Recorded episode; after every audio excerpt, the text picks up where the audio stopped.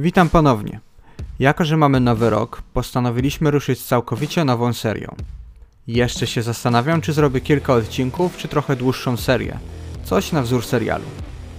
To, co chcemy poruszyć w nowej serii, będzie miało bardzo dużo wspólnego z prawdziwym True Crime, który ostatnio stał się bardzo popularny. Jednak chciałem trochę urozmaicić podcasty.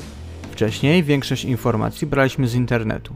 Staraliśmy się, aby wszystkie informacje były ciekawe i jak najbliższe prawdy.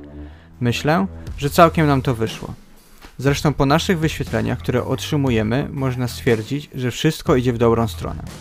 W tym nowym sezonie odcinki będą wpadać rzadziej niż to miało miejsce jak zaczynaliśmy.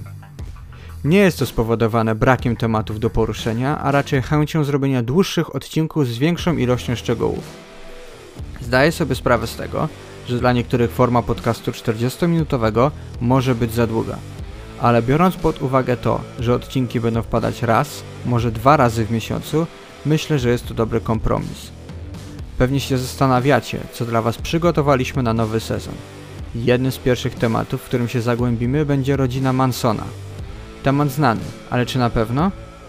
Mniej więcej każdy wie, co się stało z nocy 8 na 9 sierpnia 1969 roku w Los Angeles. To jest jednak sam czubek góry lodowej.